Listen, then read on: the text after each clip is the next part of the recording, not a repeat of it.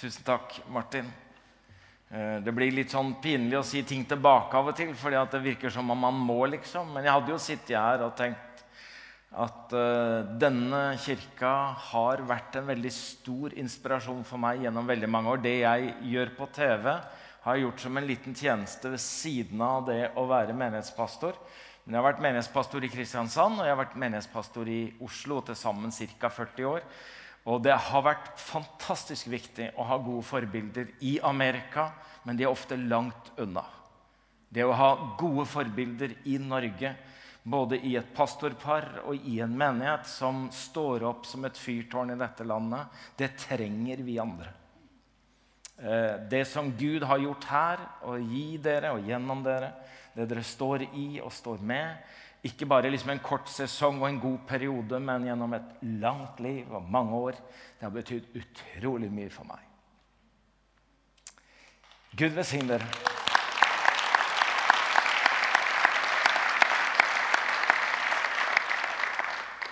Så dere er viktige.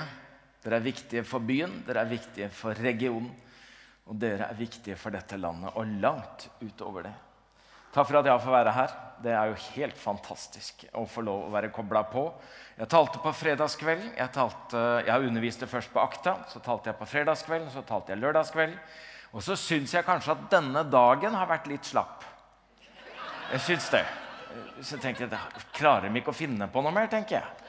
Liksom, gudstjenesten er klokka 11, og gudstjenesten i Karisma klokka 12, og tilbake er klokka 18. Altså, de skjønner ikke at det er flere timer der som er åpne. For sist i høst når jeg besøkte Introkirka, så pleier de å få mer ut av det. Så da pleier jeg å begynne i Stavanger klokka 11, og så sender de meg til Egersund. For at jeg skal komme tilbake til Sandnes og så avslutte i Stavanger. Da snakker vi søndag. Da snakker vi søndag. Så, så det var litt kjedelig ettermiddag, men nå er vi her igjen. Og det er så fint! Ja. Og jeg kommer jo fra en annen kirketradisjon, fra pinsebevegelsen og pinsemenigheten. Og dere kommer vel egentlig ja, Snart vet jeg nesten ikke hvor dere kommer fra, men eh, det er ikke godt å vite. Men det er nesten som han som forliste og havna på en øde øy. Han skjønte at det var en øde øy, og at han var mutters aleine der. Og så ble han funnet, men det hadde jo gått lang tid. Og de som fant han syntes det var så rart når han fortalte at han var på en øde øy og ingen andre der, at han hadde bygd tre hytter. Hva skulle han med tre hytter når han var mutters aleine? Det måtte de ha en forklaring på, så han sa den første hytta der, den bor jeg i. Det gir jo mening. Og den andre hytta der, det er kirka mi. Ja. Men den tredje hytta der, da? Nei, det er den kirka jeg var med i før. Ja.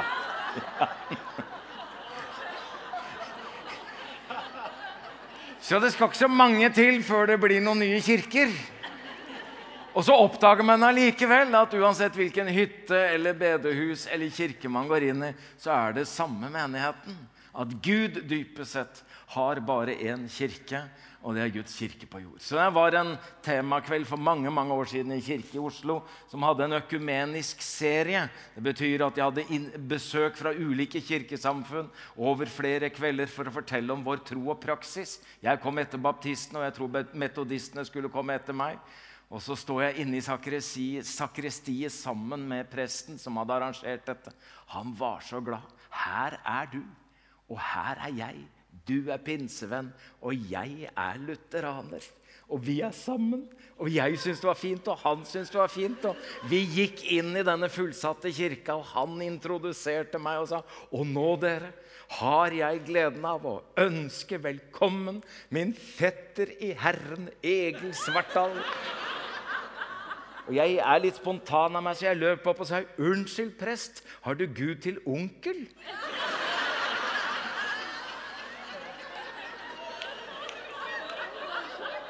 For hvis du har Gud til far, og jeg har Gud til far, da er ikke vi fettere.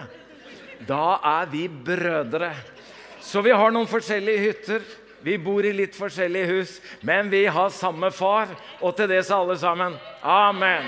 Jeg talte litt julete på fredag og lørdag. Jeg talte litt adventet i formiddag. I kveld taler jeg litt helårs. Dette ligger meg på hjertet hele året, og jeg skal si noe om som far, så sønn. Jeg vet ikke om du oppfatter det utsagnet positivt eller negativt.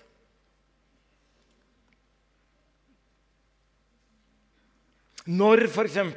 noen sier til deg Du blir akkurat sånn som faren din. Da kan du antyde at det ikke nødvendigvis er positivt. Da har de et inntrykk av faren din og syns at du begynner å ligne skremmende mye. Og akkurat nå ligner du forferdelig på mora di. Det kan du også antyde at det er ikke sikkert det var positivt ment. Noen har en opplevelse av mor og ser at datter eller sønn går samme vei. Så kan du jo møte det motsatte, at noen sier å, fantastisk lik faren din du er. Eller sønnen din, han ligner sånn på deg. Og Da skjønner du her er det noen som har en god opplevelse, og så ser de at denne godheten og denne opplevelsen, den har gått videre.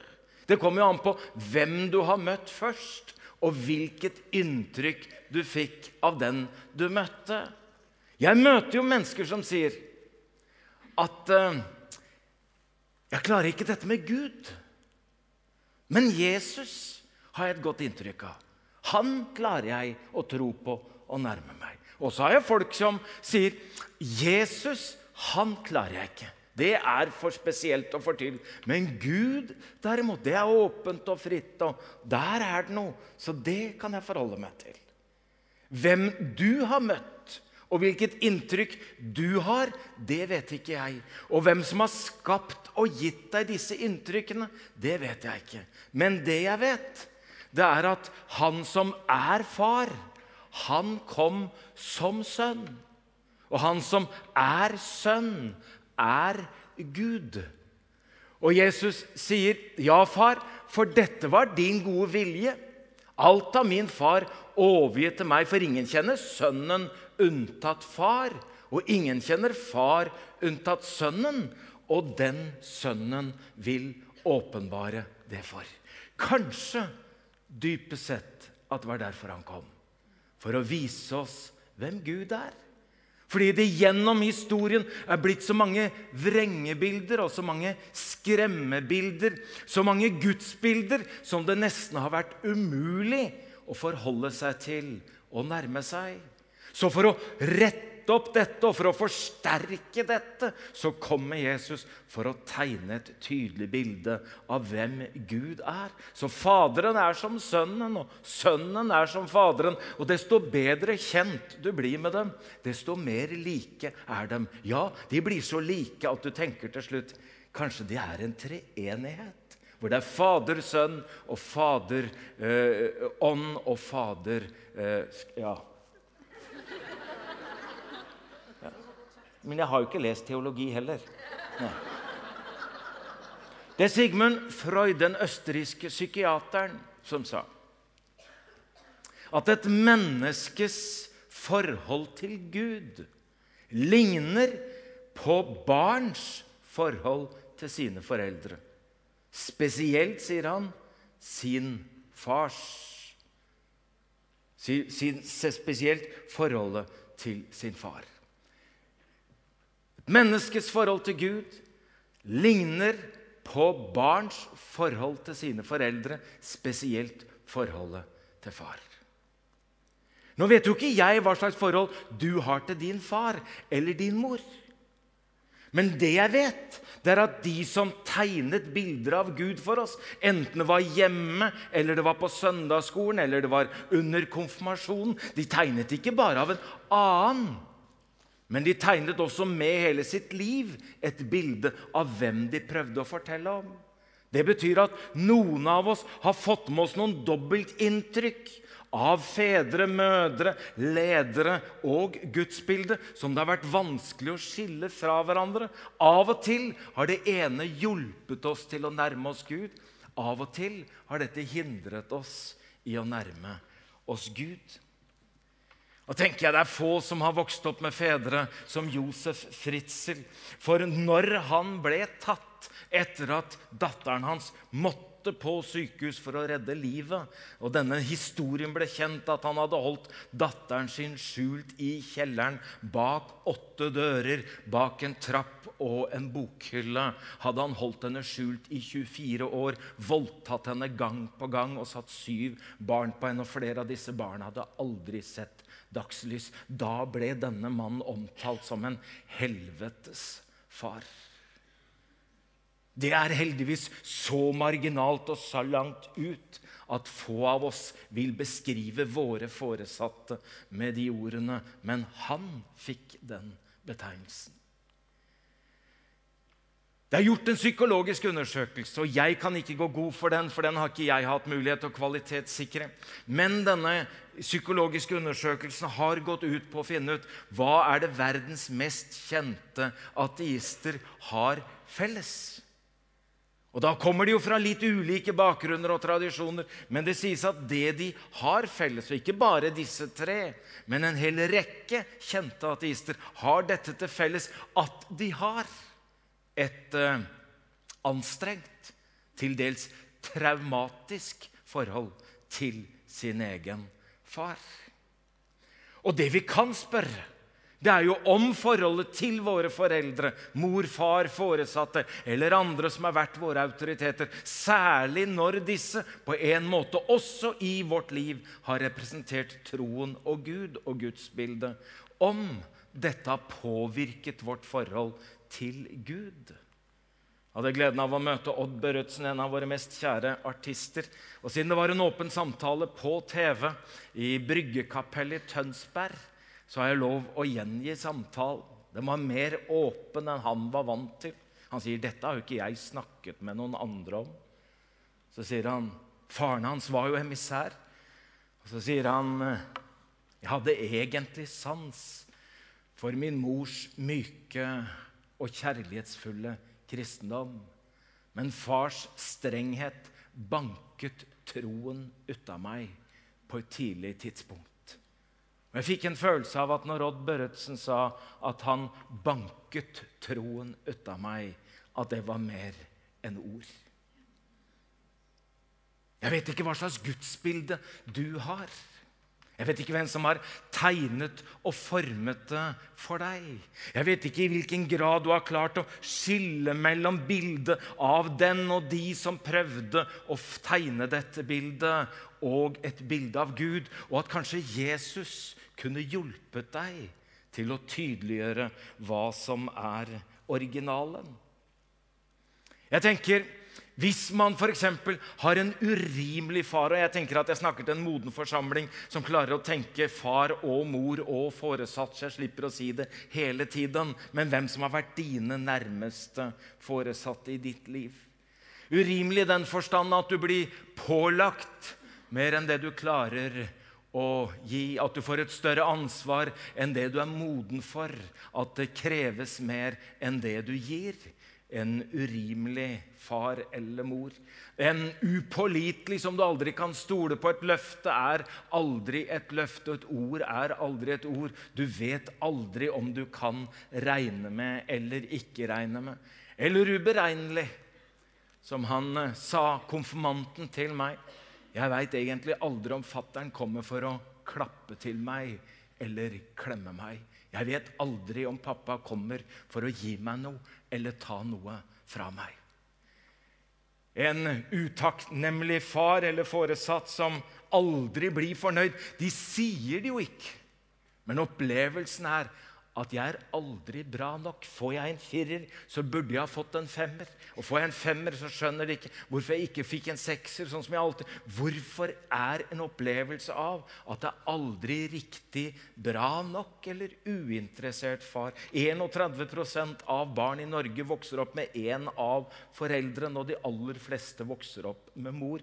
Og ære være mor som prøver å være både mor og far. Det jeg lurer på, det er dette fraværet av far i mange barns liv, hva det gjør dypest sett med deres forhold til Gud, hvis Freud har rett. At barns forhold til sine foreldre ligner på det et forhold mennesker har til Gud. Så tenker jeg at mange av oss har dannet oss tro i hodet og i tanke, som er en viss rasjonalitet. Men vi er jo mer enn rasjonelle vesener. Vi er følelser. Så selv om jeg vet at noe er rett og galt her oppe, så kan opplevelsen og følelsen være noe helt annet. Og ofte styrer følelsene oss mer enn tankene våre.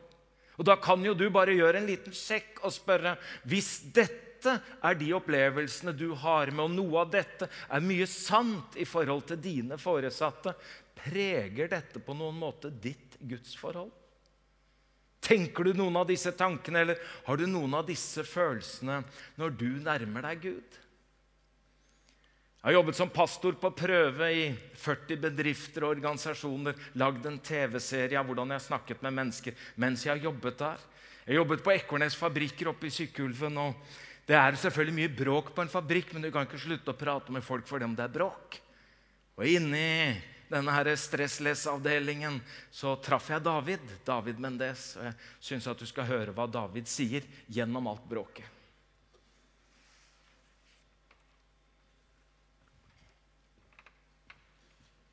David kom til Norge som tolvåring sammen med moren sin. Han har bare truffet sin far et par ganger i løpet av livet, noe som har preget ham både som barn og voksen. Grunnen til det jeg har kanskje hatt det så vanskelig fordi jeg har hatt et savn i livet mitt av å ha en far. At jeg har følt meg på en måte avvist. da. Og det har på, en måte påvirket mitt forhold til Gud. Og at, liksom, at det, Greit, jeg ble kristen, også, men så har jeg følt at jeg likevel at Gud har vært langt vekk. At jeg har ikke hatt det nære forhold til Gud som person. Og jeg bare liksom har vært den guden der oppe. Men jeg har ikke følt ham som en far, som ja, vi krysser og snakker om, eller Bibelen forteller om. da. Forholdet til foreldra våre, og kanskje iallfall spesielt faren vår, om det overfører vi veldig ofte på forholdet til Gud, eller det påvirker forholdet vårt til Gud. Jeg var på et sånt stevne her eh, før påskeferien. Og da var det en som stilte meg spørsmål i forbindelse Jeg snakka litt med han også, at jeg hadde liksom problemer og så sa han du Har du, har du tillit til din far? sa han. Eh, jeg brukte lang tid for å svare ja. Og da gikk det tanke for meg at jeg hadde ikke gjort det. At jeg likevel hadde gnag og bitterhet mot min far. Eh, selv om jeg har ikke tenkt det hele tiden. Men eh, jeg har følt den avvist. Liksom, at han aldri stilte opp for meg. Og hvorfor gjorde han ikke det, liksom? Og da har jeg måttet tatt et oppgjør med det da, for å kunne tilgi eh, min far bevisst og mitt, med mitt hjerte. Hvordan har du klart det? Eh, jeg vil si det bare med Guds hjelp. Det er sant. Det har sittet ja. langt inne? Ja, det gjør det. Altså. Det gjør det. Det er dype røtter som på en måte må dras opp. Og det har på en måte eh, prega mitt forhold til min kone, mine barn. Og så har jeg til meg spørsmål er jeg liksom skikka til å være en far når vi ikke har et mal å gå etter. Eh.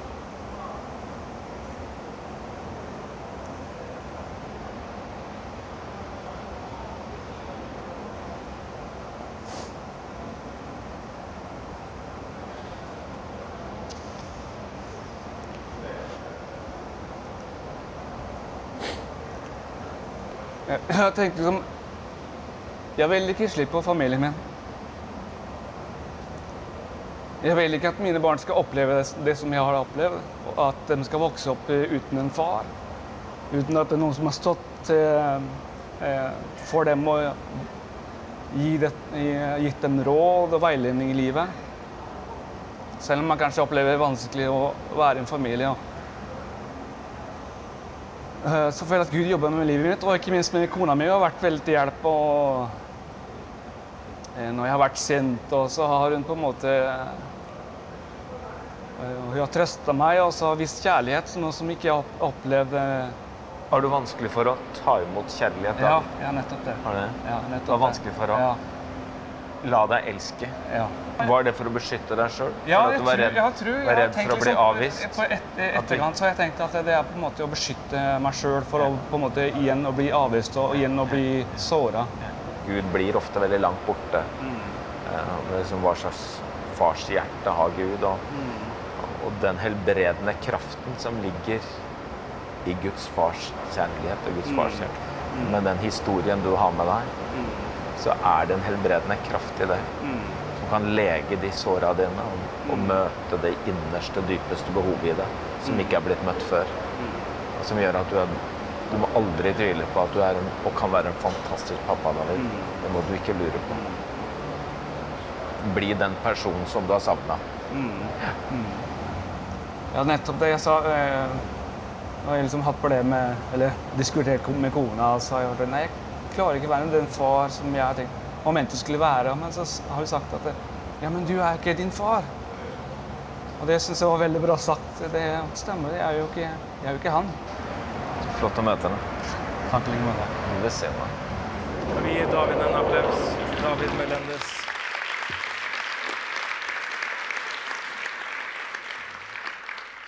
Jeg vet ikke om jeg er i stand til og kan være en god far på barna mine.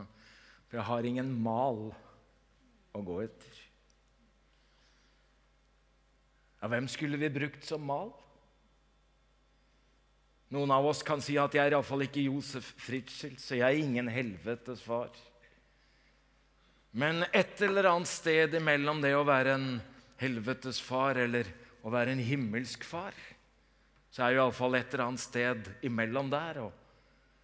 Det har vært ganske skremmende opplevelse når jeg i tenåra begynte å oppdage at mine to store fullkomne forbilder, mor og far, ikke var fullkomne allikevel.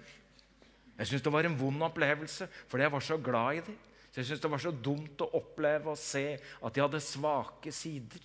Og de hadde til og med sider som jeg ikke ønsket å arve.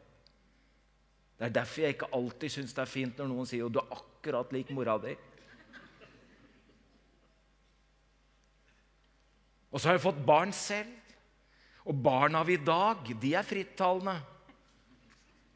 Det betyr at du får tydelig melding på det som er bra, men på det som er dårlig, på det de har fått, og det de har savnet. Og da skjønner man jo at man får en viss nåde for disse som var mine foreldre, fordi jeg plutselig sitter i en situasjon sjøl hvor jeg begynner å ligne de mer enn det jeg liker. Men da vil jo vi tenke hvem skal man bruke som mal? Og da er det jo fantastisk å tenke at malen, modellen, forbildet er ikke her. Uansett om du sier det er veldig bra eller veldig dårlig. Da har Jesus sagt at vi får lov når vi ber, å si Vår Far i himmelen.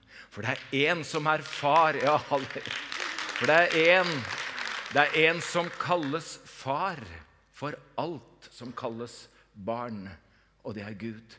Så da kan det altså være sånn at av og til kan de forbildene og modellene vi har her nede, gjøre det vanskeligere for oss å nærme oss Han der oppe. Men da må det også kunne være sånn at når vi nærmer oss vår himmelske Far, kan Han hjelpe oss til å nærme oss de som er våre fedre og mødre her på jorda. Det var jo ei lita jente som lå tegna på gulvet, stuegulvet. Så kommer mora forbi og sier, 'Oi, hva er dette for noe? Hva er det du tegner nå?' Så ser lillejenta opp og sier, 'Og jeg tegner Gud.' Da sier mora, 'Ja, men det er jo ingen som har sett Gud.' 'Når jeg er ferdig, så.' Kanskje det er derfor Jesus kom. For å tegne et bilde av, for oss som ikke har sett Gud, men så vi får se Gud i kjøtt og blod, i ord og handling, som vi klarer å forholde oss til og relatere til, og si at hvis Gud er som Jesus, ja takk. Og Gud er som Jesus, for Jesus er Gud. Halleluja. For da spør jo Philip Jesus om han ikke like liksom godt kan vise oss Faderen, så er vi fornøyd. Og Da sier Jesus, 'Jeg har jo vært så lenge hos dere, Philip, og så spør du allikevel om dette.' 'Men den som har sett meg', sier Jesus, 'han har sett Faderen.' Vi er kliss like. Jeg er som Faderen, og Faderen er som meg, for vi er ett. Dette er Ellen Stensrud, og dere vet hva Ellen Stensrud er kjent for. Jern-Ellen er det veldig få av dere som har vært medlem av Jern og Metall. Første kvinnelige leder av Jern og Metall i LO. Nå førstesekretær i LO. Og tydelig ateist. Eh, veldig tydelig ateist, utmeldt av kirka, innmeldt i Human-Etisk Forbund. Så er hun enebarn, og faren hennes ble syk og lå for døden. Og hun var på dødsleiet, og Ellen sier, 'Det nytter ikke å si hva som skjedde.' Men da jeg satt på pappas dødsleie, opplevde jeg veldig sterkt at Gud kom han til hjelp, og at pappa kom hjem da han døde. Og da fant jeg også fram. Vi nådde fram, begge to. Siden så har Ellen modnet i troen og lært Jesus å kjenne og finner sitt liv i en menighet på Lørenskog. Eh, jeg vet jo ikke hvor det er vanskelig for deg å nærme deg Gud. Men jeg tenker at det fins noen åpninger, og at en av disse åpningene kan skje gjennom denne fortellingen. For du vet, Jeg preka fredagskvelden om, eh, fra Lukas 15, evangeliet i evangeliene, der hvor du kjenner Guds farshjerte banke. Og En av disse tre fortellingene som jeg refererte til, er fortellingen om en far som har to sønner. og Den fortellingen kalles nesten alltid med overskrift 'Den bortkomne sønnen'. Og det er jo helt feil overskrift, for han som var bortkommen, han kom jo hjem. Så hadde den handla om han, så skulle den jo hett 'Den hjemkomne sønnen'. Og så viste det at han som var hjemme, var helt borte. Så det går helt surr i, de der overskriftene der. Så hvem de der handler om, det er ikke godt å vite.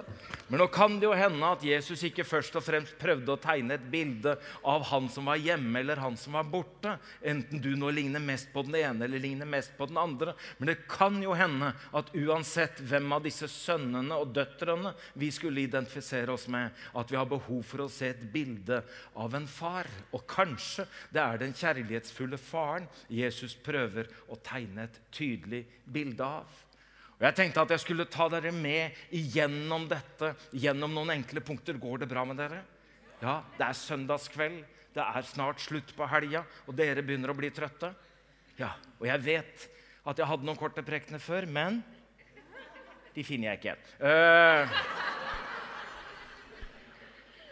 det vi møter her, er jo først en sjenerøs far.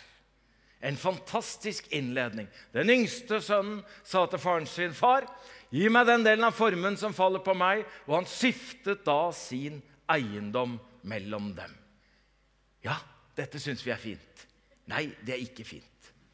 Min mor er 91 år, og jeg skal besøke mor i morgen. Det gjør jeg hver mandag. Og da skal jeg si det til henne. 'Mor, dette går for sakte. Jeg trenger penga nå.' Ja, jeg har bestemt meg. I morgen skal jeg si det. Jeg tror i morgen blir dagen. Jeg har tenkt lenge på det, men i morgen tar jeg det.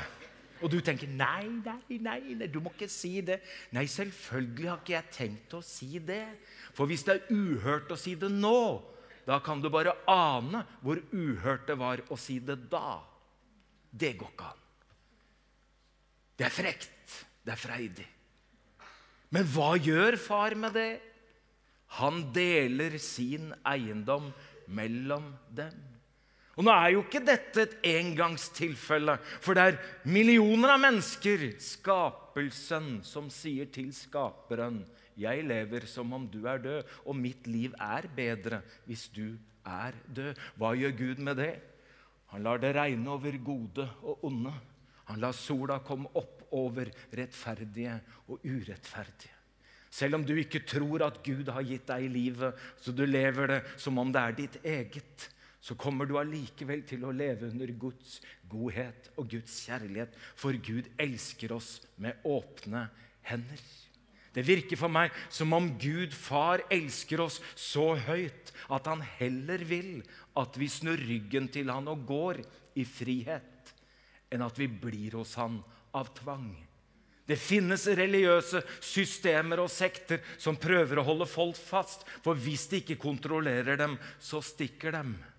Det kommer aldri Gud til å gjøre. Gud elsker deg med åpne hender og gir deg frihet til å komme og frihet til å gå. Det er ditt valg. Jeg hører noen si at de tror ikke at det finnes en fortapelse siden Gud er kjærlighet. For meg er det helt motsatt. Det må finnes en kjærlighet, eller må finnes en fortapelse, siden Gud er kjærlighet. For ellers så er jo alt bare tvang. Det betyr at Gud sier, 'Ja, ja, du kan velge nå, men jeg tar deg så fort du dør'. Men Gud respekterer din, din, rett til å velge selv. Både å velge å nærme deg Gud og snu Gud ryggen. Det jeg skal si, er at Gud har valgt å ikke snu ryggen til deg. Men du har fått frihet til å snu ryggen til Gud. Far, jeg krever, men Gud elsker. Han er raus. Ikke bare om vi går, men når vi kommer. Og når han da overøser denne sønnen med disse enorme gavene og denne raushet, så tenker jeg det hadde vel holdt med litt rester. Kanskje han bare er en rusmisbruker? Kanskje det bare er en innvandrer? Det hadde vel holdt med et eller annet som vi har brukt, hadde det ikke det? Kona mi og jeg var pastorpar nede i Kristiansand. og Én lønn, en pastorlønn og fem barn. Det, ja, det var ikke noe overflod. Det var kanskje noen som så det, så en familie som hadde gård, av og til kom med noe. Denne dagen kom de med eh, elgkjøtt. De hadde, de hadde jakta elg, og så kom de med en elgstek. Og Vi hadde aldri hatt så fint kjøtt noen gang, så Turi og jeg vi la det rett i fryseren. Og Hver gang vi skulle ha gjester, så så vi på hverandre. Og så hadde vi denne koden elgsteika. Nå kommer de. Elgsteika. Men nå kommer de. Elgsteika. Du du vet aldri når du har toppa gjestelista. For det vi gjør, er å gi det beste til de beste. Det Gud gjør, det er å gi det beste ikke til den som fortjener det mest, men den som trenger det mest. Sånn er Gud. Og det virker som om Jesus prøver å danne det bildet av en sjenerøs Gud, som er sjenerøs og raus og overøser de som trenger det aller mest. Det neste bildet vi får, er av denne ventende faren som hver dag går ned til grinda lenge etter at noen har slutta å vente, og lenge etter at de andre har sagt han er borte for godt, men si det til han. Hver eneste dag ned til grinda, hver eneste dag litt lenger bort over veien. Og da han ennå var langt borte, fikk faren se ham. Ikke overraskende, ikke som et sjokk, men han hadde sett hver eneste dag. Sånn er Gud. Han venter, han søker, han lengter etter deg og meg. Vi hadde himmelsk sommer på sentralstasjonen i Oslo. Et program hver mandag hvor vi tilbød både konsert og forbønn og litt sånn samtale, hjelp til folk. Står jeg ved siden av en dame og så sier jeg til henne eh, For jeg skjønte at hun var berørt av dette. Så sier jeg, 'Hva gjør du i Oslo?' Nei, hun kom fra Lofoten. Og så sier jeg, eh, 'Hva er det du gjør i Oslo?' Nei, jeg har leita i denne byen etter datteren min i tre døgn. Jeg er så redd for at det skjer henne noe. Hun klarte ikke å sitte lenge stille oppe i Lofoten, men hun måtte prøve å finne datteren sin. Da finner vi en løpende far, og det er jo et fantastisk vakkert bilde. Jeg synes, Når jeg leser dette at han løp sønnen i møte, kastet seg om halsen på ham og kysset ham, så ser jeg foran meg en gammel mann i kjortel av en eller annen merkelig grunn. Og det er jo en grunn til at de som løper, løper oftest i shorts. Det er et praktisk plagg når man skal løpe fort. Eh, og for en gammel jødisk mann å løpe, så er jo det en skam i seg selv. Men når han løfter opp kjortelen for å løpe fortere, da er det dobbelt skam. Prøv å si det til gammelen. Han har fått øye på sønnen sin. Da handler det om å gjøre veien så kort som mulig og ikke så lang som mulig. Da handler det om å sette tradisjoner og ritualer til side hvis disse hindrer han i å nå fram til sønnen sin. Og han løper, og han løper sønnen sin i møte for å møte sønnen sin der hvor sønnen er. Vi tror på en løpende Gud som har løpt oss i møte for å gjøre veien kort. Når Jesus blir sint og renser tempelet i Jerusalem, så er det nettopp det Jesus gjør. Han rydder bort alle hindringene som hindrer folk i å komme til ham. Halleluja. Det er et eller annet som har skjedd oppi her òg.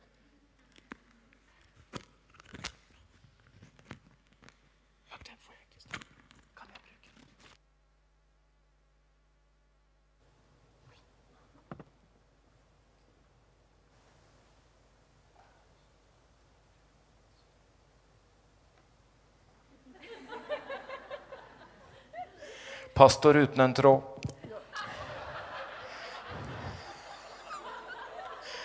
Jeg var jo trådløs. Det er så fint. Vi har sett at dette er den uh, fortellingen som svarer på kritikken bl.a. fra tolleren og synderen holdt, eh, tolleren og synderen holdt seg nær til Jesus for å høre ham, og fariseerne og de skriftlærde ble forarget over dette og sa denne mannen tar imot syndere og spiser sammen med dem. Det er Jesus Kristus. Så møter vi i denne fortellingen en tilgivende far. En fantastisk, fantastisk møte med denne sønnen. Far, jeg har syndet mot himmelen og mot deg. Og så sier sønnen, jeg fortjener ikke lenger å være din sønn. Der har jeg behov for å spørre sønnen sin, spørre sønnen hans unnskyld. Fortjente du det før? Hvor har du fått dette fra? At det går an å gjøre seg fortjent til å være sønn eller datter. Ja, man kan gjøre seg fortjent en jobb. Ja, man kan gjøre seg fortjent en posisjon. Man kan få den, og sannelig kan man miste den. Du får ettersom du har fortjent. Men når denne sønnen sier at 'jeg fortjener ikke lenger', så tenker jeg hvem har skapt det gudsbildet i deg, eller det farsbildet, at du er sønn så lenge du oppfører deg deretter? Far, jeg fortjener det ikke lenger. Det er nesten som om faren sier, 'Nei, gutten min, du fortjente det ikke før, og du fortjente det ikke nå.' Men du får være min sønn pga. min kjærlighet og min nåde. Sånn er Gud, og sånn har vi møtt Gud. Jeg tenker der er vi felles. Eh, jeg har jobbet noen ganger i fengsel, og av og til så er jeg frimodig og spør den som sitter inne, hva han eller henne sitter for. Jeg tenker av og til Når vi kommer inn i en kirke på en gudstjeneste, burde vi kanskje spurt han eller henne vi sitter ved siden av, unnskyld, hva sitter du for? For vi vet jo at i et rom som dette fins det ingen uskyldige. Men vi er alle blitt Guds barn av bare nåde. Og denne tilgivelsen den er ikke bare at Gud tilgir oss, men at den er så gjennomgripende at han kan hjelpe oss å tilgi de som har gjort oss vondt. Jeg hadde lyst til at dere skulle møte Jane. Hun er fra distriktet her. Jeg lagde en serie som het TV-pastoren, vi fulgte noen mennesker flere, eh, over, flere, over lengre tid. Jane hadde skrevet et brev til meg, Jane Elisabeth Andersen, at hun ikke hadde sett sin far på 16 år pga. en veldig, veldig krevende barndom, hvor mor hadde stikket til, eh, til, eh, til eh, kvinnesenteret, til, til, til Det het vel Kvinnesenteret. Hvor hun hadde måttet gå på lille julaften pga. at hun var blitt slått og hadde tatt med seg de to minste barna. Det ikke verken eh, de eller eh, politi eller barnevern visste, var at det var to barn igjen i det hjemmet, og Jane var en av de. Hver eneste dag så ba hun til Gud om at han måtte sende noen engler og hente henne. Men det tok to år før Jane eh, ble hentet ut av politi og barnevern. Og da trodde hun og håpet at det var englene som kom. Det var en traumatisk og vond barndom. Hun hadde hatt et liv som var ordentlig i den forstand at hun var nå daglig leder i en gullsmedbutikk, var samboer og hadde to barn. Eh, men hun hadde i lengre perioder heller ønsket seg døden enn livet og trengte hjelp til å leve. Og hjelp hadde hun fått. Hun hadde fått hjelp av Gud, hun hadde fått hjelp av mennesker, fått bearbeidet vonde, krevende sår og blitt lekt i sitt indre. Og nå skriver hun til meg og spør om jeg kan hjelpe henne og prøve å finne ut hvor faren er, så hun kan få møte henne. Hadde ikke, hun hadde ikke sett han på 16 år, og jeg møtte Jane egentlig med en klar agenda. Det var å prøve å overbevise henne om at det burde hun ikke gjøre, for jeg trodde at vondt kunne bli verre. Men så møtte jeg en oppegående dame som hadde fått bearbeida så mye og fått så god hjelp, at jeg tenkte du skulle få høre hva Jane sier.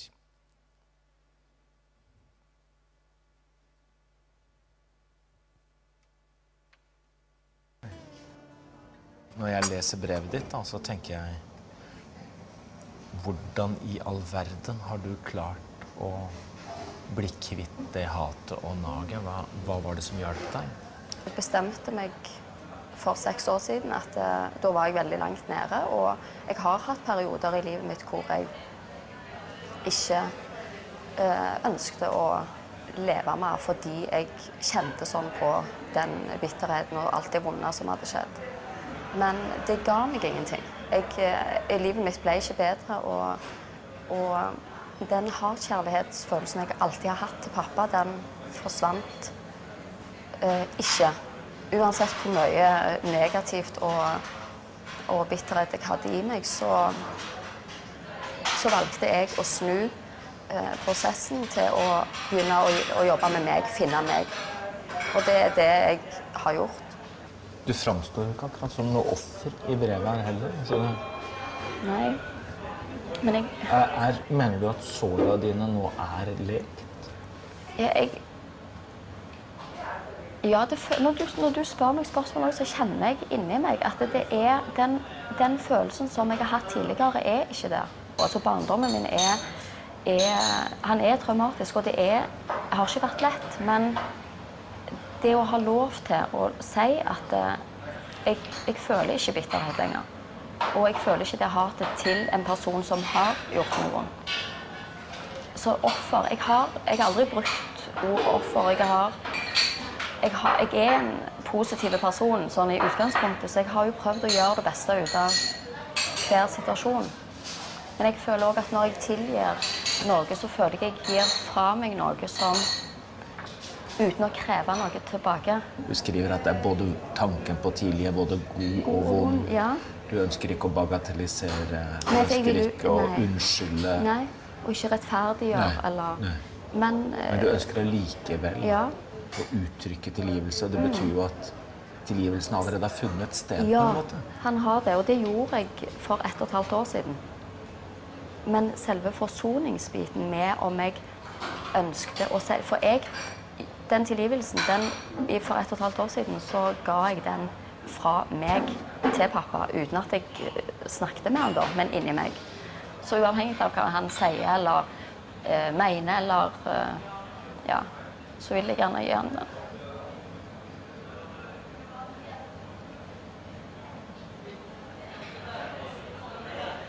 Men det føles veldig riktig. Det, det, er helt uavhengig av han erkjenner, det helt ja. uavhengig av om han angrer. Ja.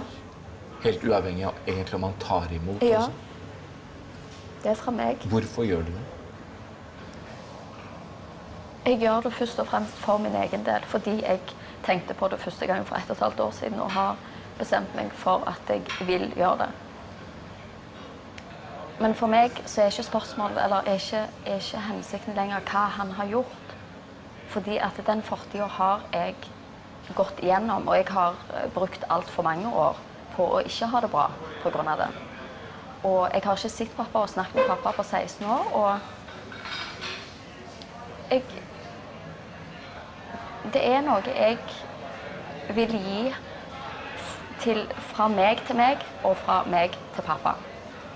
For hvis ikke jeg har hatet og bitterheten i forhold til det han har gjort, så ønsker jeg at han skal ha muligheten til å ikke ha det. Eh, for det han har gjort mot Nå snakker jeg selvfølgelig fra, fra min side.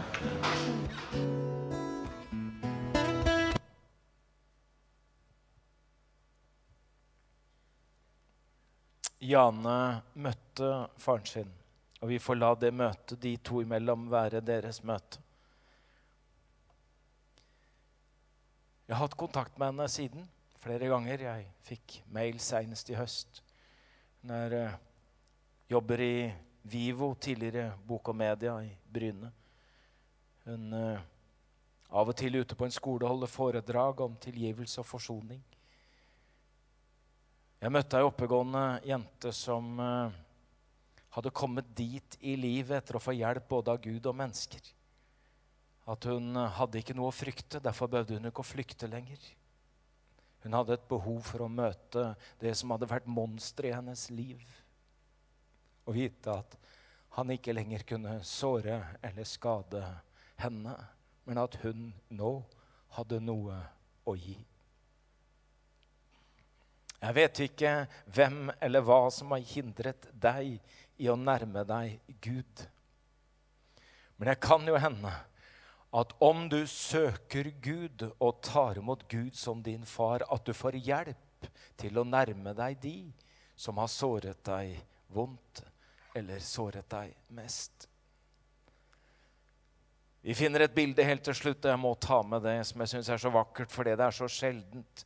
Og Det er et bilde av en feirende Gud, for Gud blir jo alltid den høytidelige og den alvorlige. Og Når du tenker deg på all kirkekunst og alle skulpturer og alt hva vi har sett av bilder og malerier, så er det jo ikke mange bilder av en feirende Gud.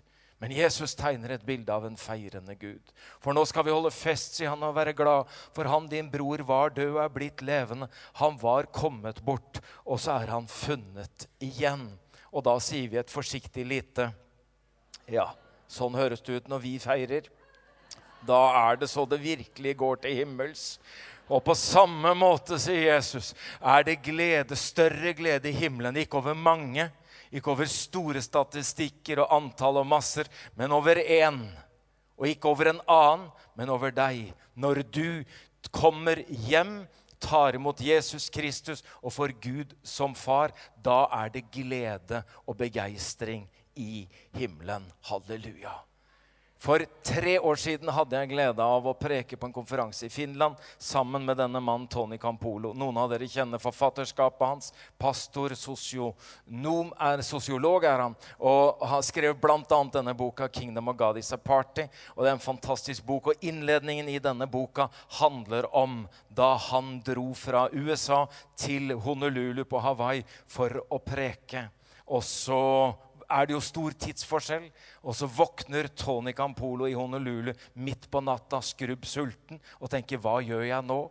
Og da går han ut i byen for å finne noe å spise, og det finner han på en kafé. Og mens han sitter der og spiser på denne lille kafeen, så ramler det nærmest inn en sju-åtte prostituerte som skal ha seg pause og få seg noe å spise. Så hører han den ene si til hun andre at i morgen fyller jeg 39 år. Da sier den andre til hun første. Hvorfor sier du det? Tror du liksom at vi skal skape bursdagsfest for deg, da? eller? Da blir hun første sår. Og så sier hun det var selvfølgelig ikke det jeg tenkte eller fortalte. Jeg har aldri hatt bursdagsfest, jeg. Da tenkte Tone Campolo du skal få bursdagsfest. Så når jentene gikk da tok han kontakt med eieren av kafeen som var der, Harry, og sa kommer disse jentene hver natt. Ja, de kommer hver natt. Kommer hun hver natt? Ja, sier han. Hun heter Agnes og bryr seg om mange andre, men det er svært få som gjør noe for henne. Da sier Tone Campola, er du med på at vi lager bursdagsfest i morgen? Da sier Harry ja, og så fordeler de oppgavene. Og det er at Tony Campolo han skal pynte lokalet. Og er det noe amerikanere kan, så er det å pynte lokaler. Harry skulle skaffe bløtkake med 39 lys. Og Ryktet går over hele Honolulu, så natta etter er denne kafeen full av prostituert. Og inn kommer jentene og Agnes, og alle sammen synger 'Happy birthday to you'. Så kommer Harry med kaka med 39 lys og sier 'Nå må du blåse ut lysene, Agnes.' Og hun blåser ut alle lysene. Så sier Harry, 'Og nå må du skjære det første stykket.' Da sier hun, 'Det klarer jeg ikke.' 'Jo, du må skjære det første stykket, Agnes.' 'Nei, det klarer hun ikke.' Så ser hun opp på Harry, og så sier hun, 'Vi har aldri hatt bursdagskake hjemme. Mor bor to kvartaler unna. Kan jeg ta med kaka og vise henne den?' Så skal jeg komme tilbake. Så går Agnes med kaka, og det blir helt stille. Og når du blir helt stille, da kjenner vi pastorer at vi må ta ansvar. Så da sier Harry, er det greit for dere at jeg ber en velsignelsesbønn over Agnes? Og så ber han en velsignelsesbønn over hennes liv, over hennes framtid. Og når han har sagt ammen, så hører han Harry rope bortenfra hjørnet. Det var det jeg tenkte. Du er pastor, du! Hva slags menighet er du pastor for, da? Så sier Tony Campolo da tror jeg at Gud ga meg et øyeblikk av visdom, for da ropte jeg tilbake. Jeg er pastor for sånn menighet som lager fest for horer halv fire om natta. Da roper Harry tilbake. Det tror jeg ikke noe på. For sånne menigheter fins ikke. Jeg tror at Jesus vil ha en sånn menighet. Jeg syns at det jeg har hørt i dag om Familie Pluss, og noe av det jeg vet om deres godhet og godhet i byen og for byen, er et møte med en sjenerøs Gud som ønsker å feire med de som ikke har noen å feire med, og feire med de som ikke har noe å feire for. Ja, men det er jo ikke så mange av oss som er prostituerte, sier du. Nei, nei, vi kommer ikke om natta heller. Men hvis vi hadde begynt å bekjenne våre synder for hverandre, så skjønner vi at enten vi kommer på 11 på søndag eller 18 eller midt på natta, så handler det om at vi er tilgitte syndere alle i hop. Og det heter å feire gudstjeneste fordi vi tror på en Gud som feirer at vi er blitt Guds barn, og at våre navn er skrevet i livets bok. Amen. Kan vi be sammen? Kan vi be sammen? Takk skal dere ha. Herre, jeg ber spesielt for den, for de som har hatt krevende oppvekster og krevende opplevelser av ledere, av foreldre, hvor det har klussa seg til med gudsbilder og andre vrengebilder som har gjort det vanskelig å nærme seg deg. Herre, jeg ber i Jesu Kristi navn om legedom på et dypt plan øyeblikkelig og over tid ber jeg om at det skal modnes fram en trygg gudsrelasjon, hvor du er far i himmelen, og vi får være dine barn. Herre, jeg ber om det i Jesu navn. Amen. I Jesu navn. Amen. Kan vi sitte innenfor Guds ansikt? Kan vi åpne hjertet vårt og tenke at hvis ikke dette er mitt primære behov, så fins det noen i denne forsamlingen i dag som kjenner at det er her det enten begynner eller slutter. Men i kveld vil jeg at du skal over denne terskelen. Hvor du som har stengt deg og har behov for å beskytte deg, i kveld innenfor Guds ansikt og Guds hjerte skulle våge å åpne deg. Åpne deg for Guds kjærlighet. Åpne deg for Guds tilgivende kraft og legedom. Jeg vet ikke hva Øystein og de andre har tenkt å synge, men eh, ta det imot og åpne hjertet på vid gap.